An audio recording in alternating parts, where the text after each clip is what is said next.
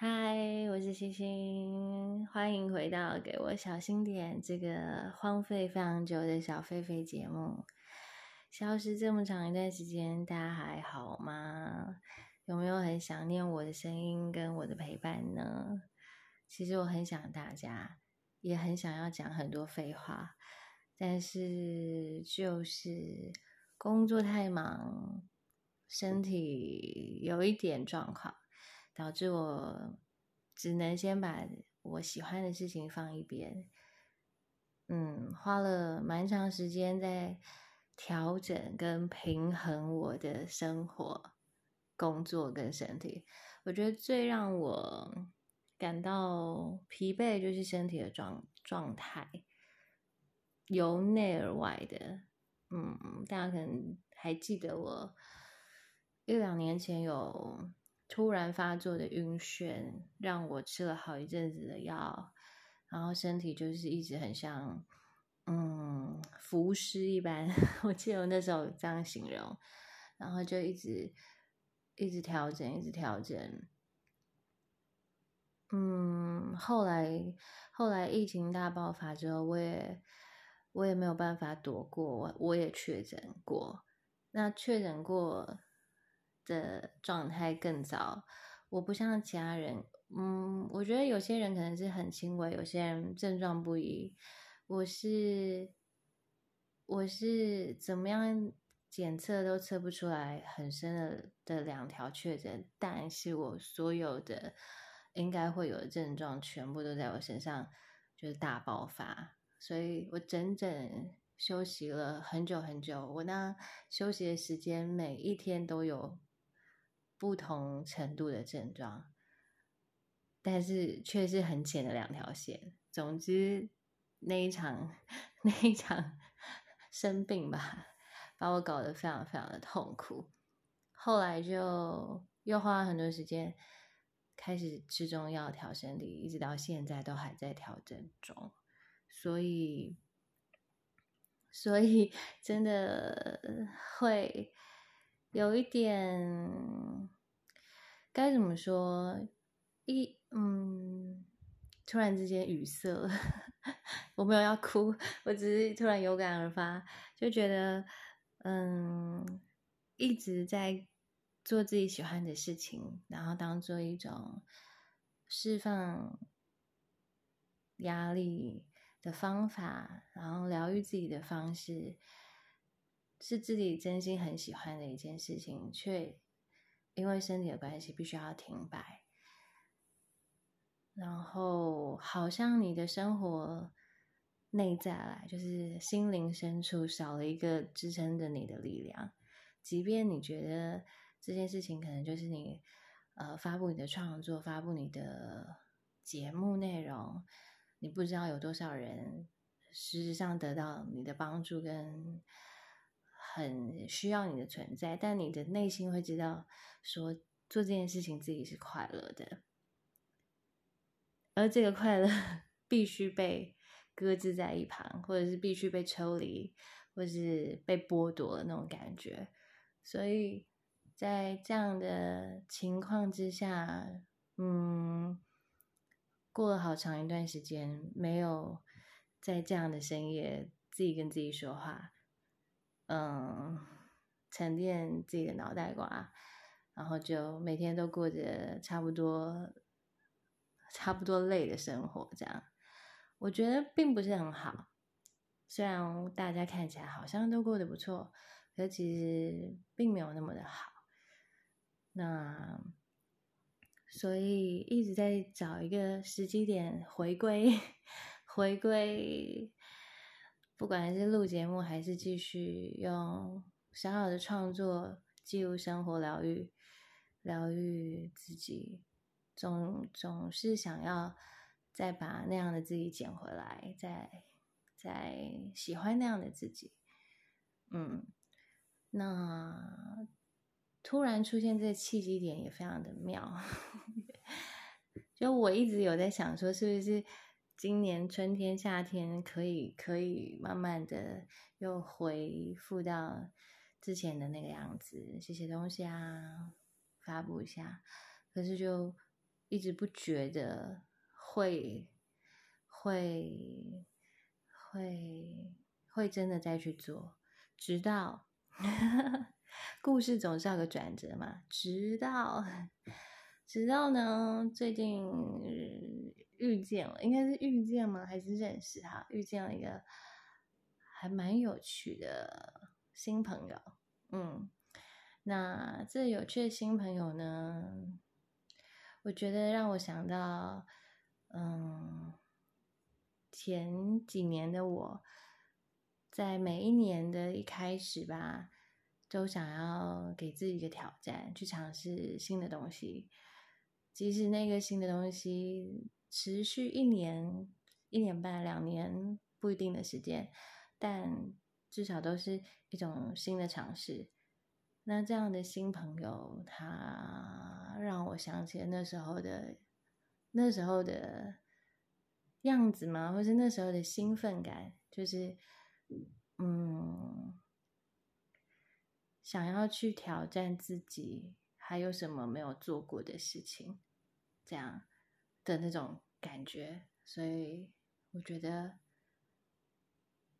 那个内在的 内在想要想要探索跟冒险的那个那个因子被被勾起，还是被召唤出来？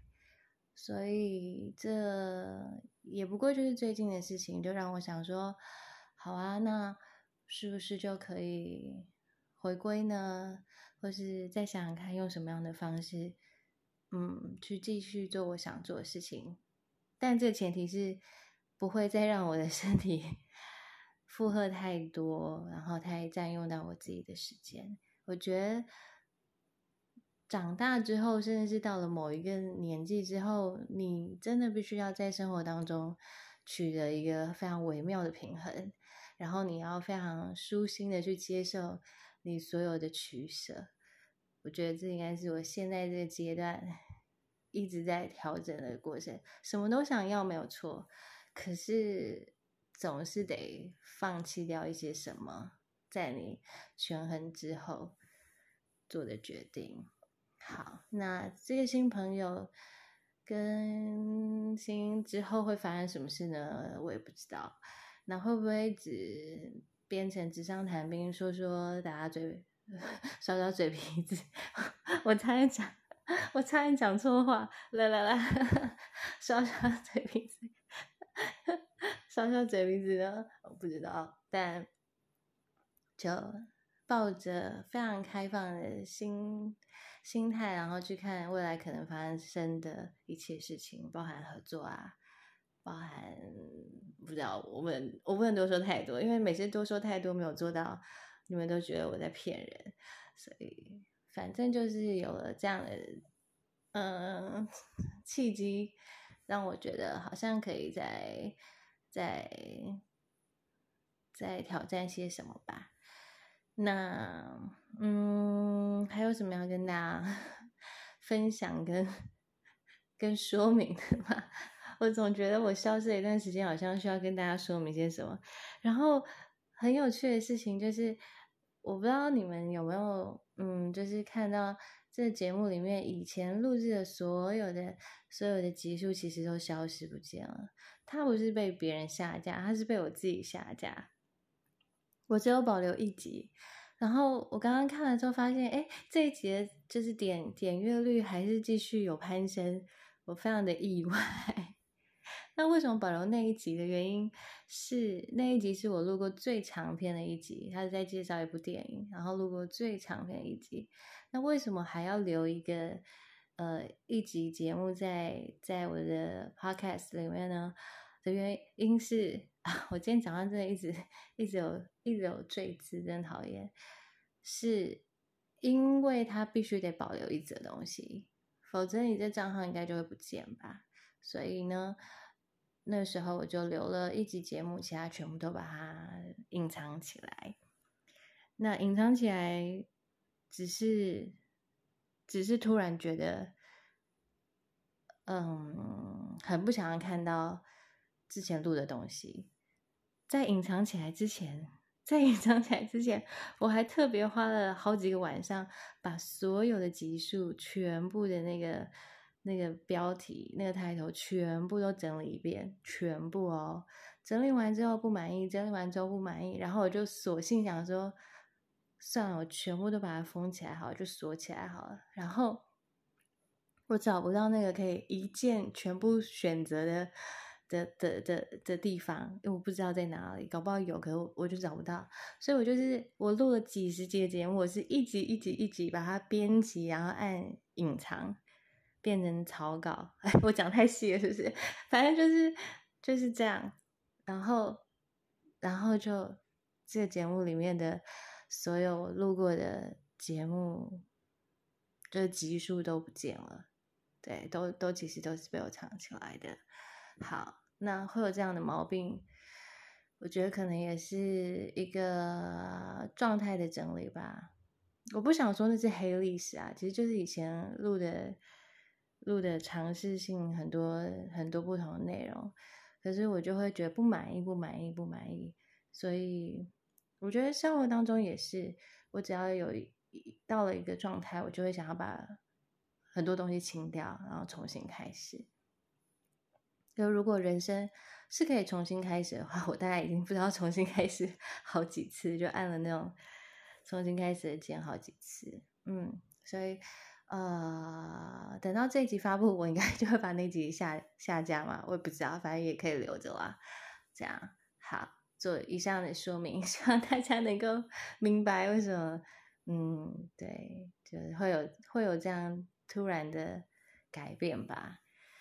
呃，那今天就先这样嘛，因为我也没有设定什么样的主题要说，嗯，但还是想要说就是，希望有新的可能，然后不期不待、不怕伤害的的的的信的心念信念，去接受一切的的的的发生，然后。嗯，还是很喜欢用声音陪伴大家，然后用用这样的状态去继续的写故事、说故事、疗愈自己。我知道我今天这一集不是非常完美，讲了非常多的赘字，以我完美主义的要求，我可能会重录个 N 百遍，但我决定还是要保持最真实的样子。因为这就是我现在的状态，嗯，不想要逼自己，不想要逼自己变成理想中最最好的那个人。我不知道我在讲什么，就是不想要逼自己成为自己想象中那样美好的人，因为怎么样都达不到，会是一个很痛苦的、很痛苦的。很痛苦的折磨，所以如果正在听节目的你也有一些共鸣跟同感，我想说的是，每一个人都很孤单，但每一个人都不孤单。嗯，好，那我要结束了。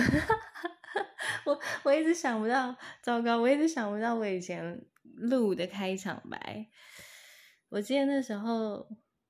录的开场白好像有被有被有被有被人说太幼稚了，还有太啰嗦了，还有太像某个 YouTuber 的开场白了。然后反正每一次的每一集的开场白跟结尾我都会搞砸，可是后来想说，好吧，那这就是我的我的风格，那就这样，所以就就不要太。有脚本的去做任何一件事情，反而会得到很棒的效果。我想这应该会是 以后节目的风格吧，就会更更贴近最真实的样貌。OK，好，拉里拉扎讲了将近快十五分钟。嗯，我们的老规矩就是，我们老规矩是什么呢？我想一下，我们的老规矩就是星星任性任性发布，大家的。就是大家随时出现，不对，大家准时出现。哦，天呐，我连好老规 矩就是星星任性发布，大家准时出现。那我们的节目今天就到这里喽，希望你会喜欢。如果还想要继续有我的陪伴，就请记得随时锁定。那我们下个节目见喽，拜拜。